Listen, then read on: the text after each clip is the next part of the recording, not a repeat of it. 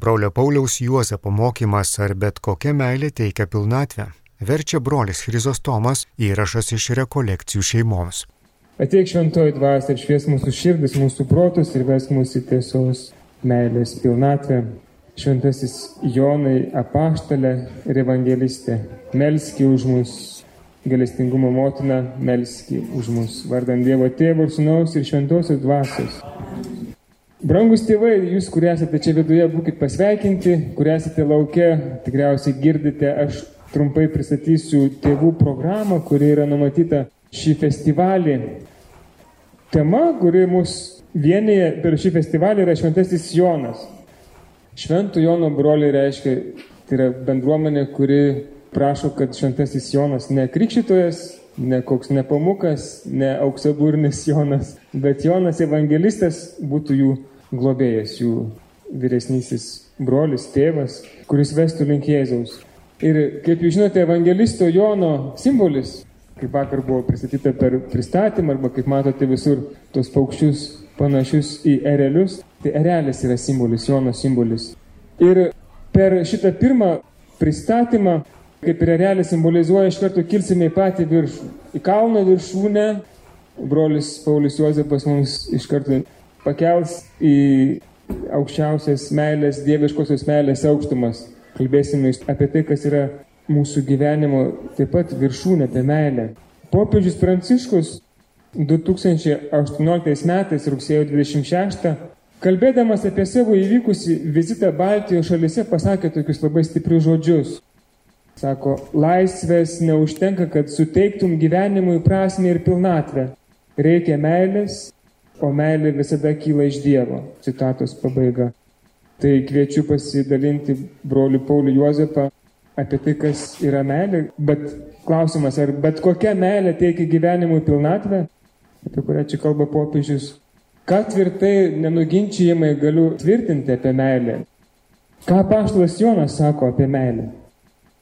Brolis Paulius kalbės, aš tik tais paversiu. Atsimenu, kai buvau studentas, vienas dėstytojas labai griežtai vertindavo studentus. Pažymius rašydavo labai griežtai. Grupelė studentų nuėjo jo susitikti su juo, truputėlį pasiskūsti.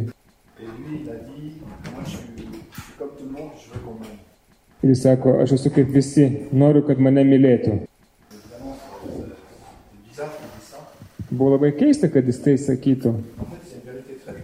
Nors tai yra tokia iš tiesų gili tiesa. Kad būtų galima kalbėti apie meilę, apie dieviškąją meilę.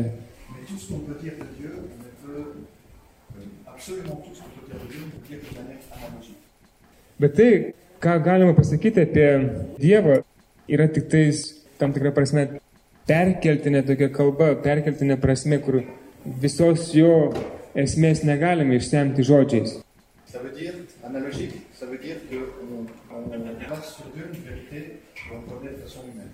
Nes kalbėdami apie Dievą, remiamės tuo, ką žmogiškai esame patyrę, ką žmogiškai galime paliesti kaip tikrovę, kaip tiesą. Tai yra žmogiška kalba. Euh.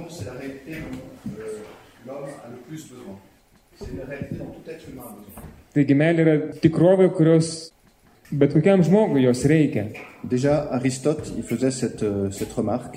Jau Aristotelis yra pasakęs, que personne ne voudrait avoir toutes les richesses du monde si c'était pour être sans amis.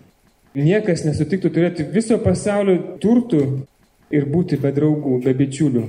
Alors on commence cette série de, de quatre conférences euh, sur l'amour, sur Saint Jean en parlant d'amour.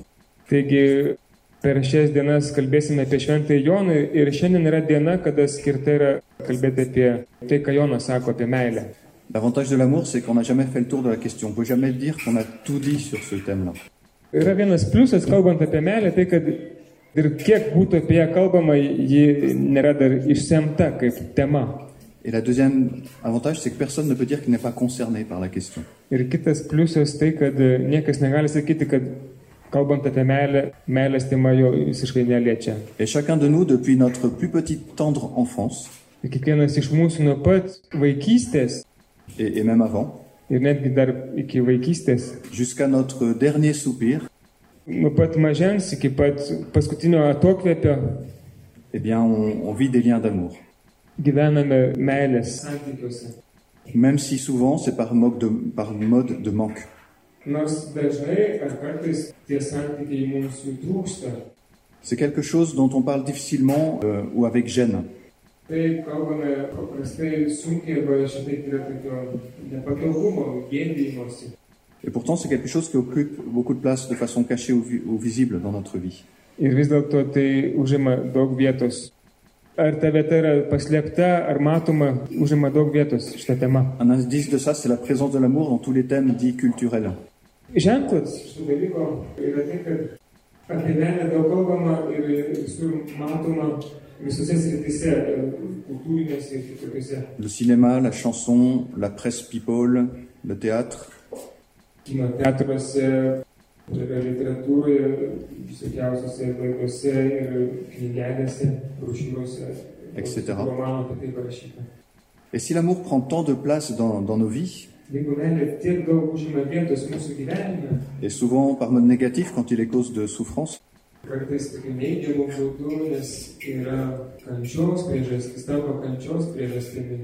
eh bien, c'est parce que il, a, il est très lié avec quelque chose que tout le monde recherche.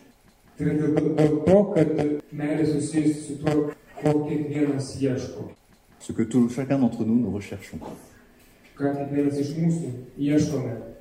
Le bonheur. On cherche tous le bonheur. Et on sent tous que le bonheur est lié à l'amour.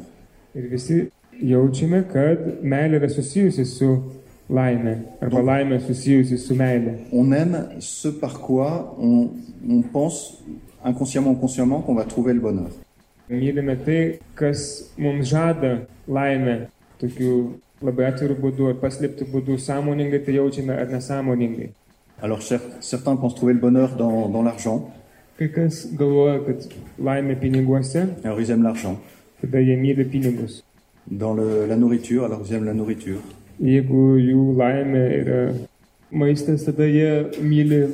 Maistą. Dans le succès, les idéologies, Arba jeigu patinka kokia ideologija, įsimylė kiausų ideologijas. dans des spiritualités, ça peut même être des spiritualités chrétiennes. Netgi gali būti tam tikri dvasingumai, netgi krikščioniški dvasingumai, kuriuos žmonės myli, kad Ce tampa besoin, ce besoin d'aimer lié au bonheur, il est spécifiquement humain. Ir šitas poreikis būti laimingam yra labai žmogiškas. Normalus, toksai žmogiškas dalykas. Il n'y a rien de, de tout ça chez les animaux, même si ça ressemble de loin. Nieko panašaus nėra gyvulių gyvenime, nors yra tokių išorinių panašumų. Et la raison de ça, c'est parce que Dieu nous a créés avec un cœur.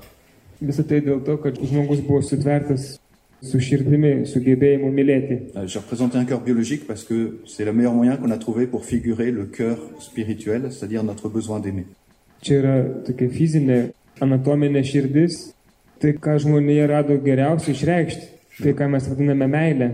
Le cœur qui vivifie et qui euh, irrigue tout le corps figure bien ce, ce besoin d'aimer qui, qui irrigue aussi notre vie spirituelle. Širdis, kuri aprūpina visą organizmą krauju, deguonimi, gerai atspindi šitą meilės funkciją, meilės troškimą būti laimingais. On le voit qui s'exprime de manière extrêmement diverse et variée. Meilė, jinai yra išreiškima įvairiais būdais, skirtingais būdais. De façon très, euh, très fatigante parfois chez les enfants,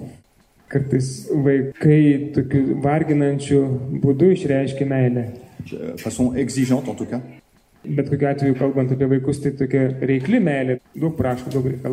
De façon romantique, idéaliste chez les adolescents. Au moment des premières euh, émotions, et c'est là que c'est le rôle des parents est très important, Tokios romantinės meilės, kada tėvų vaidmuo yra tuo metu ypatingai svarbus. de façon admirable chez ceux qui s'engagent dans le mariage, Nuostabiu būdu per tuos, kurie įsipareigoja per santokos sakramentą. même les consacrés euh, vivons des, des liens d'amour.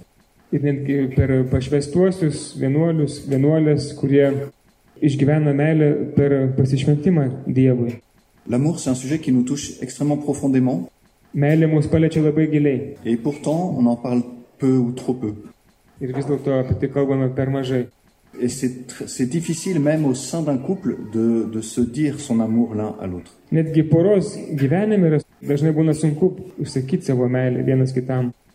C'est pour ça que les équipes DMK sont, peuvent être si utiles d'ailleurs. Šiuo atveju Dievo motinos komandos gali būti naudingos padėti šitam à retrouver ce- un lien d'amour vivant. atradimui poroje to gyvo tokio meilės ryšio tarpusavyje. Je sais pas s'il y a un moment prévu pour la pub pour eux, alors je le fais maintenant. Nežinau, ar kada bus reklaminė pauzė Dievo motinos komandoms, tai dabar tą reklamą ir darau. C'est normal dans une certaine mesure qu'il y ait beaucoup de pudeur par rapport à l'amour. Šiaip apskritai kalbant yra normalu, kad yra šiek tiek tokio drovėjimosi kalbėti per daug apie meilę. Mais ça ne devrait pas nous, nous empêcher de, de, de pouvoir en parler, échanger et même de nous dire notre amour. Bet tai neturėtų užgošti to kalbėjimo arba parodymo vienas kitam meilę. Euh, le problème, c'est que nous expérimentons tous, nous expérimentons tous que malheureusement, c'est souvent euh, source d'échecs, de malentendus, de souffrances. Dažnai patiriame, kad meilė būna, arba tie santykiai e, būna taip pat ir tokie skausmingi, nepasisekimų, nusivylimų šaltinis. Et le problème, c'est que la raison profonde de cela, c'est que nous sommes pécheurs. Šitos nesėkmės meilėje priežastis yra mūsų nuodėmingumas, esame nusidėjėliai. Notre nature humaine est blessée. Il y a quelque chose de, de cassé en chacun de nous. Kiekviename iš mūsų yra kažkas tokio pažeista, ta mūsų žmogiškoji prigimtis yra pažeista. Et depuis le péché originel, avant le péché originel, les gens vivaient tout nus et ça les dérangeait pas. Les gens, c'était Adam et Ève. Prieš gimtąją nuodėmę, tai reiškia, kalbame apie Jėvą ir Adomą, jie visiškai vienas kito nesigėdėjo, nors ir buvo nuogi, bet po gimtosios nuodėmės kažkas įvyko. Notre euh, besoin d'aimer ça se exprime de façon désordonnée, euh, contradictoire, incohérente. Ir mūsų poreikis mylėti, būti mylimam, mylimai, po gimtosios nuodėmės dažnai pasireiškia tokiu truputėlį negrinu, tokiu kartais egoistiniu arba tokiu iškreiptų būdu. On a un besoin, un désir d'aimer, mais on l'exprime mal, parfois de travers et parfois à l'envers. Mes turime poreikį mylėti, bet kartais išreiškime jį neadekvačiai, netinkamai ir netgi kartais prieštaringų būdų. On entend souvent dire qu'il n'y a pas d'amour sans souffrance, et c'est souvent vrai malheureusement. Dažnai girdime pasakymą, kad nėra meilės be kančios. Ir tikrai tai dažnai yra tiesa. Mais c'est pas une chose normale, c'est pas le- ce que Dieu a voulu. Bet žiūrint giliau, tai nėra normalus dalykas, nes Dievas nenorėjo suvienyti šitų dviejų dalykų - meilės ir kančios.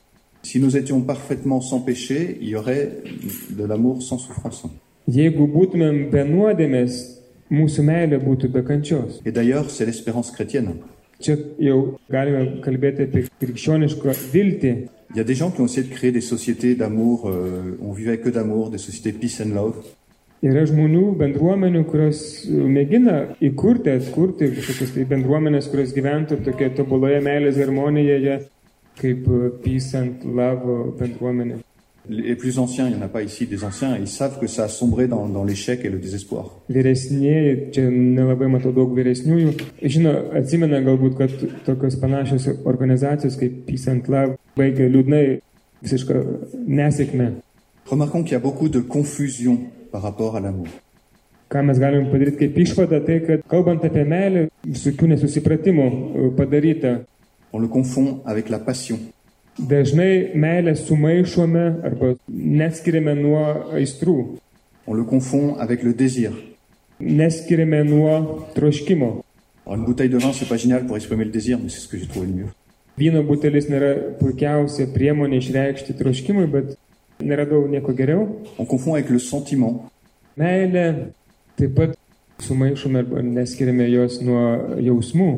Et parfois, de plus en plus, on le confond même avec la pornographie. C'est bon d'être très lucide que notre société, même le bain dans lequel on vit, véhicule toutes sortes de confusions. Įsisamoninti, kad visuomenėje, kurioje mes, kaip brolis sako, plaukioje, maudomės, gyvename, yra paliesta, kad mums perteikia tam tikras tas tokias savokas meilės, kurios nėra plus rien, l'amour. Galiausiai mes nieko nesuprantame apie meilę, nebesuprantam, kas yra ta meilė. On appelle bien ce qui est le mal et mal ce qui est le bien parfois. Kartais tai, kas gera, vadiname blogiu, kas bloga geriu. Alors je vais citer deux exemples très actuels, très révélateurs. Peut-être vous les devinez. Le premier, c'est le, c'est, tout ce qui touche à, à l'idéologie sur l'homosexualité.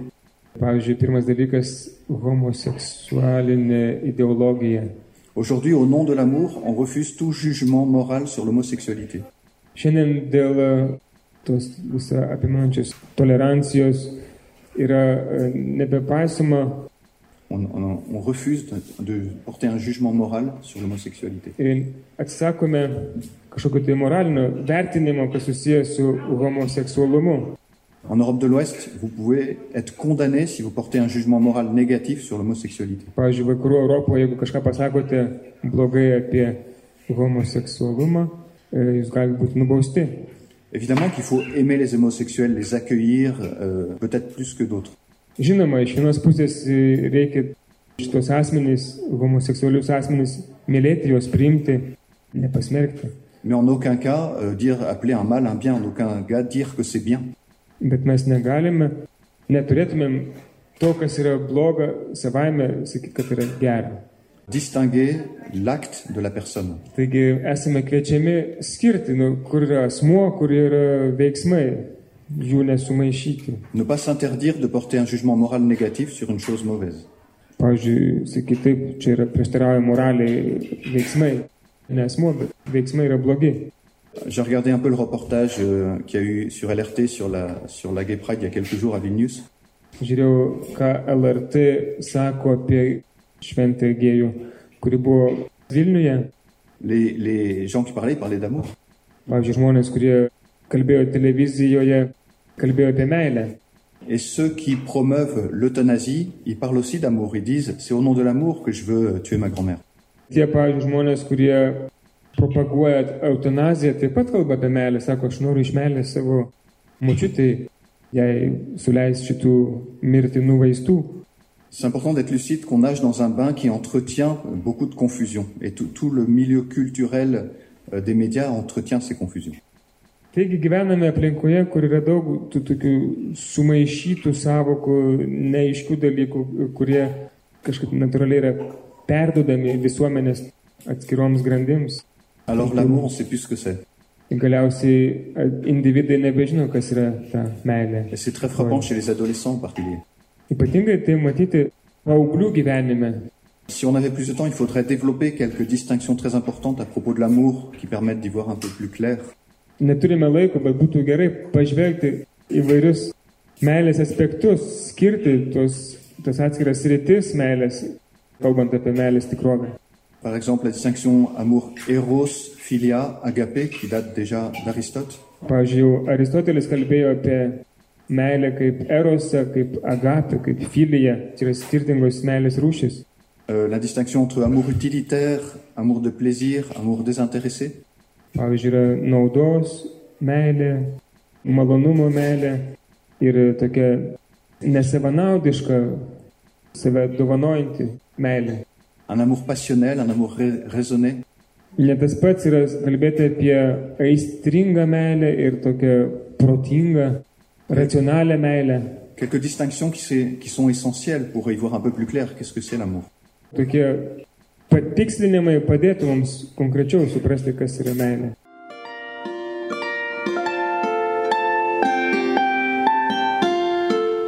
Jūs girdite Marijos radiją.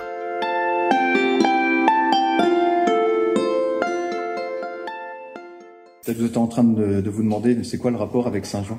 Jūs tikriausiai seniai klausite, bet koks ryšys su šventuoju Jonu? Alors je vais rappeler, donc j'y viens, Taigi grįžtu prie šventojo Jono, Ouais. evangelisto. rappeler un grand principe d'Aristote. Didysis Aristotelio principas, Pour bien connaître une réalité, kad gerai pažintumėme tikrovę, il faut regarder cette réalité selon sa forme la plus parfaite. reikia ją žiūrėti per jos tobuliausią formą. Tos tikrovės formą tobuliausią. Atrasti.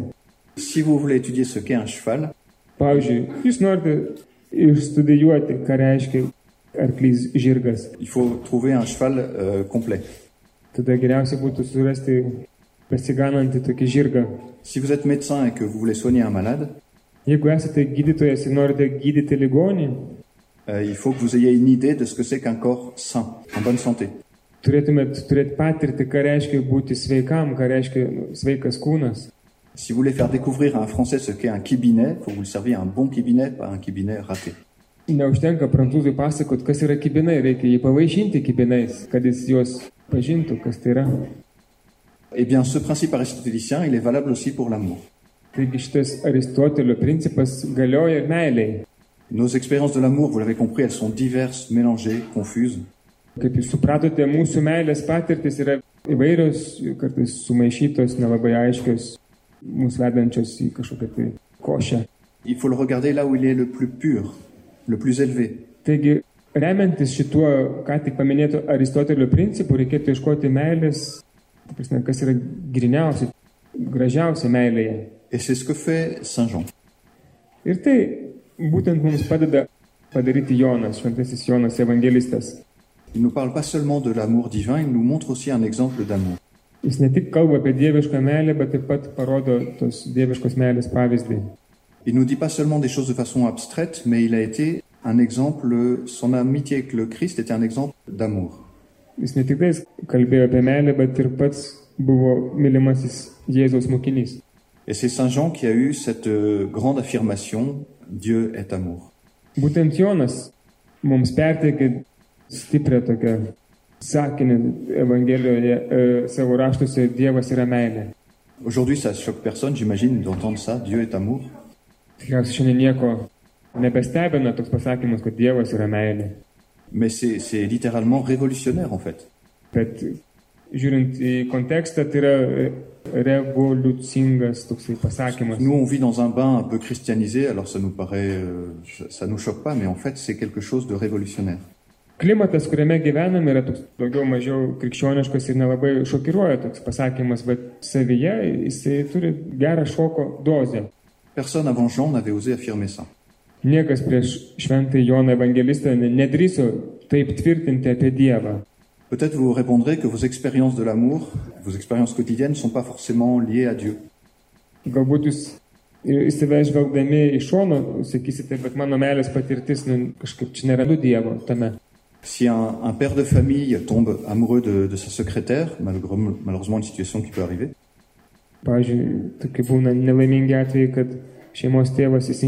sekretorę.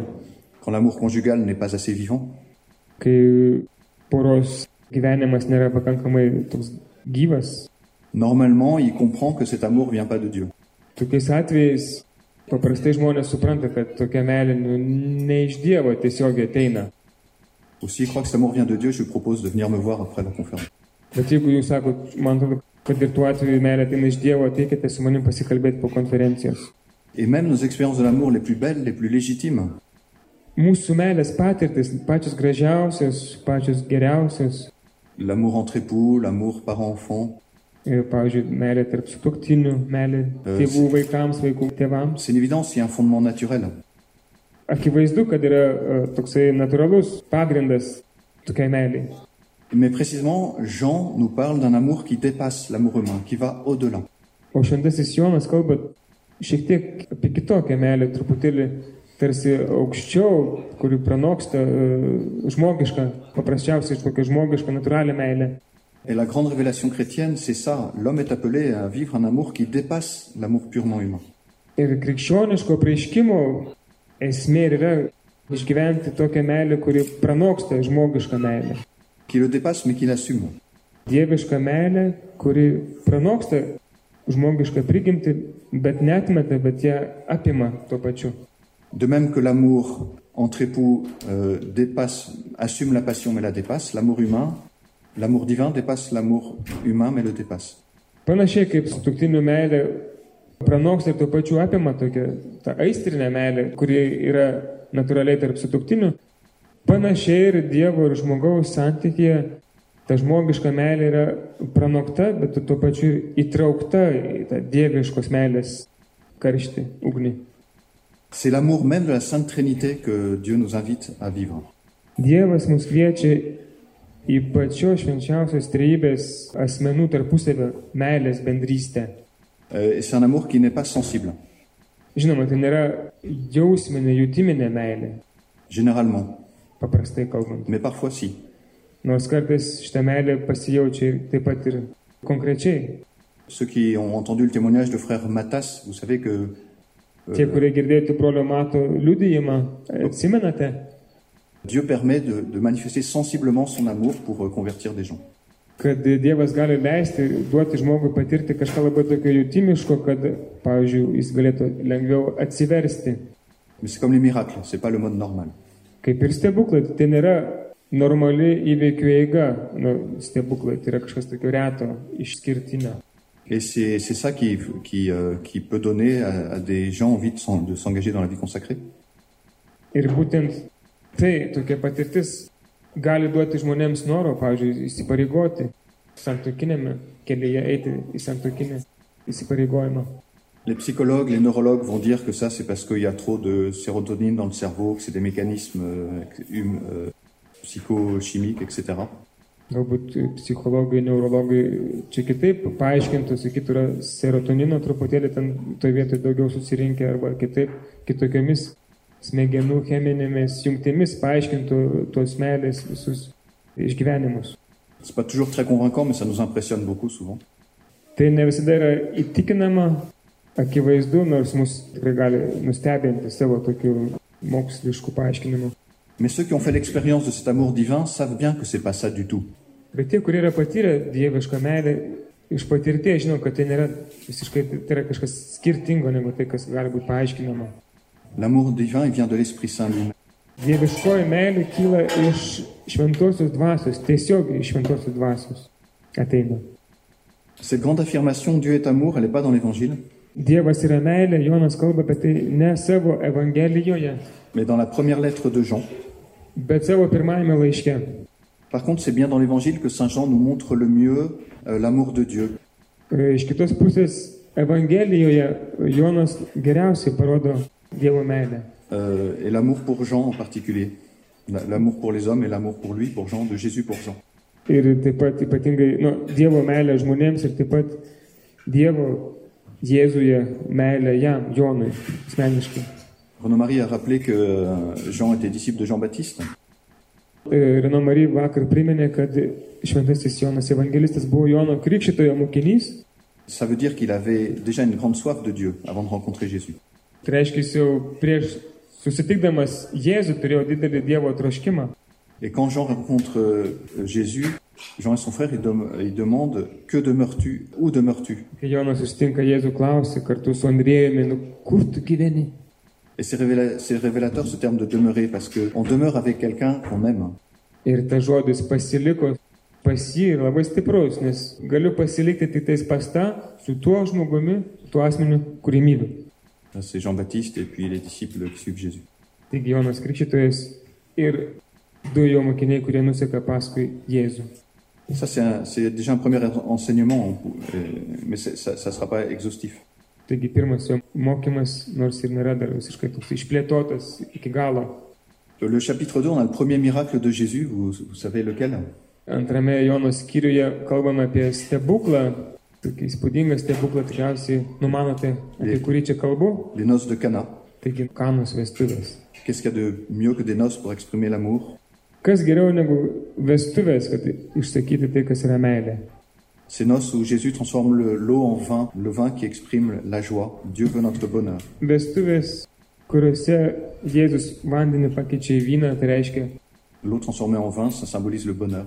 tai simbolizuoja laimę. Dievas perkeičia vandenį į vyną.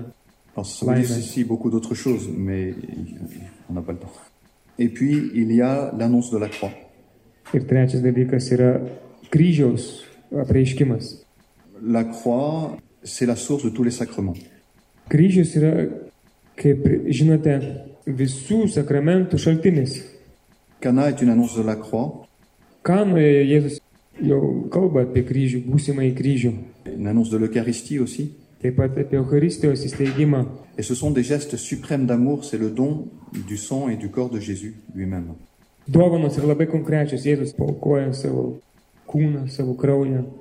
Et Jean sera d'ailleurs le seul qui suivra Jésus jusqu'à la croix. Jonas beje yra vienintelis iš mokinių, kuris iki galo nuseka Jėzų kryžiaus keliu ir yra po kryžiumi. Sur les onze autres, il y en a un qui s'est pendu et les dix autres qui se sont dispersés. Iš vienuolikos kitų likusių vienas pasikarė, kiti dešimt išsibėgioja. Et il faudrait aussi citer tous les miracles de Jésus qui sont des, témo- des, des marques de charité pour l'homme. Taip pat apie meilę kalba ir Jėzaus stebuklai, kurie vienaip ar kitaip išreiškia tą Dievo meilę žmogui.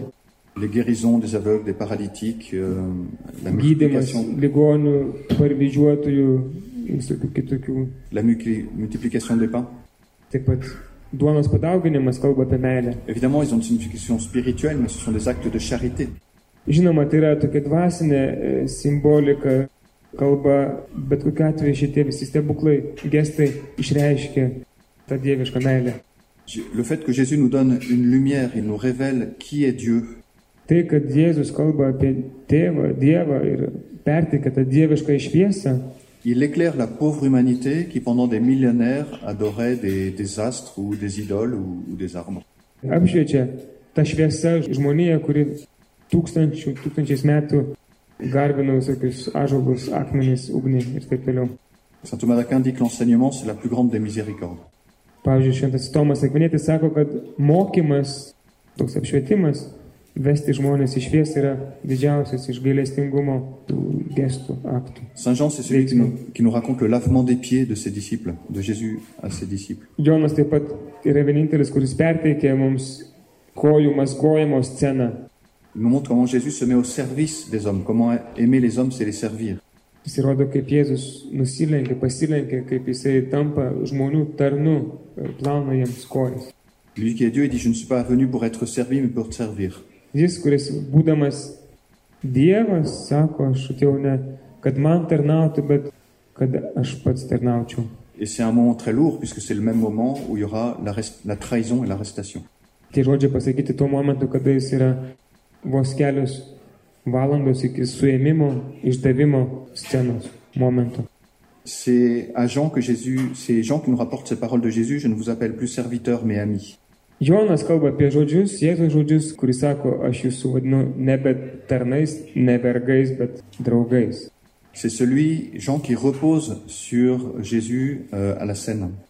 Per paskutinę vakarienę būtent Jonas yra prisiglaudęs prie Jėzaus krūtinės. C'est celui à qui Jésus confie sa mère, on l'a dit déjà. Taip pat jau esame minėję, kad būtent Jonui, evangelistui, Jėzus pateikė savo motiną prie kryžiaus. Jean, c'est celui qui comprendra le, la signification du coup de lance dans le cœur de Jésus. Jonas yra taip pat tas mokinys, kuris supras Jėzaus pervertų šono jėtimi prasme. qui sera le- la source de- d'où jaillissent l'eau et le sang que, en tant que lituanien, vous connaissez mieux que d'autres. Nes būtent iš pervertų šono ištrykšta galestingumo srovės, apie kurias jūs lietuviai geriau galite papasakoti negu aš. C'est c'est un peu frustrant parce que là, on, on fait en 45 minutes quelque chose, il faudra une semaine pour, pour développer tout ça. Šitą temą tokia duoda sunkumo vieno, nes aš norėčiau kalbėti savaitę, o turiu per 40 minučių apie tai pakalbėti. On pourrait dire que Jean, c'est celui qui nous révèle notre vocation à l'amour et à l'amour de Dieu. Apibendrintai būtų galima sakyti, kad Jonas mums apreiškia mūsų pašaukimą mylėti Dievą, priimti Dievo meilę. On est fait pour le bonheur et notre bonheur, le plus élevé, c'est pas que tout aille bien dans notre vie. Esame pašaukti būti laimingi ir būti laimingu nėra, kad viskas sektųsi šiame gyvenime. On rêve que, que tout aille bien dans notre vie, et de toute façon, ça arrive jamais. Trokštame, kad viskas būtų sėkminga, gerai mūsų gyvenime, bet taip niekada ne, nebūna iki galo. Et quand bien même ça arriverait, c'est pas ça qui nous rendrait heureux, de toute façon. Ir netgi jeigu tai atsitiktų, kad viskas sektųsi gerai, vis dėlto atrastumėm, kad nesam iki galo visiškai laimingi, patenkinti. Notre vrai bonheur, c'est la vie en Dieu. Mūsų tikroji laimė yra gyvenimas Dieve su Dievu. Alors bien sûr, ici, on est dans l'espérance. Ir čia kalbame jau apie tokį, e, tai, kas yra susijęs su viltimi, mūsų tokia yra viltis. Cette soif de bonheur que nous portons tous, elle sera comblée qu'en Dieu, Šitas troškimas qu'au ciel. gyventi su Dievu, atrasti Dievą kaip savo laimę, visiškai išsipildys tik tais danguje. Ir mes jau gyvename dabar su atroškimu viltimi. Ça se vit dans la foi, et c'est une épreuve. Tai išgyvename taip pat tikėjimu, tai toks tikėjimo išbandymas. Et ça exige la charité. Šitas troškimas taip pat reikalauja iš mūsų meilės, dieviškos tokios meilės. Et l'amour est un commandement de Dieu. Ir galiausiai meilė yra Dievo įsakymas - mylėk. Dans une communauté religieuse, dans une famille, dans une paroisse, dans un camp comme celui-ci, Iš tokios stovykloje, kaip čia parapijos gyvenime, vienuolinėje bendruomenėje, bet kokioje bendruomenėje, c'est un commandement de Dieu de nous aimer les uns les autres. visą laiką girdime tą Dievo įsakymą mylėti vienas kitą, Et mylėkite. Saint Jean nous affirme que c'est un témoignage. Ir Jonas tvirtina, kad tai yra liudijimas, C'est à l'amour les uns que, le- que vous aurez pour les autres qu'on le reconnaîtra que vous êtes mes disciples. nes būtent iš meilės vieni kitiems atpažins žmonės, kad jūs esate Kristaus mokiniai. Et le monde a besoin de ce témoignage, que c'est possible, ça peut exister, que des gens s'aiment vraiment. Ir žmonės, pasaulis, jiems reikia nu, to tokio liūdėjimo, kad tai yra įmanoma, kad šitokie dalykai egzistuoja. Parce que vous savez bien, beaucoup de gens ne croient plus en l'amour. Žinote, daug žmonių ne- nebetiki meilę. Et de voir des gens qui s'aiment en vérité, ça attire beaucoup plus que des beaux discours. Ir matyti, kad žmonės vieni kitus myli, tai daug daugiau patraukia negu kad gražios kalbos apie meilę. Et c'est ça qui fera la réussite de ce camp. Šito festivalio pasisekimas būtent tai ir yra.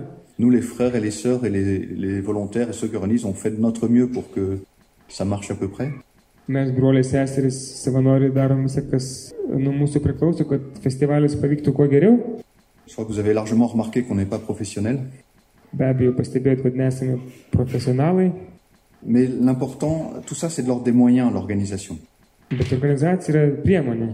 Le but pour que ce camp soit réussi, c'est de vivre une expérience chrétienne.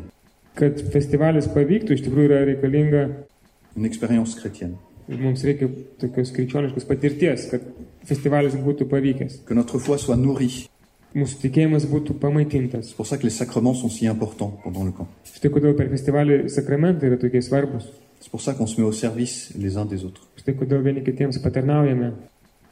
Et c'est pour ça qu'on demande la prière de Saint Jean, qu'on se, qu'on prend Saint Jean comme modèle.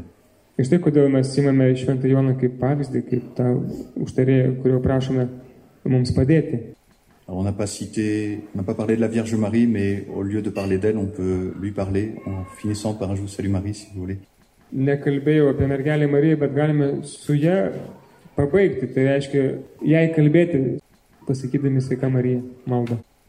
Girdėjote brolio Pauliaus Juozapo mokymą, ar bet kokia meilė teikia pilnatvę. Įrašas iš rekolekcijų šeimoms, įrašas iš rekolekcijų šeimoms vertė brolis Chrizostomas.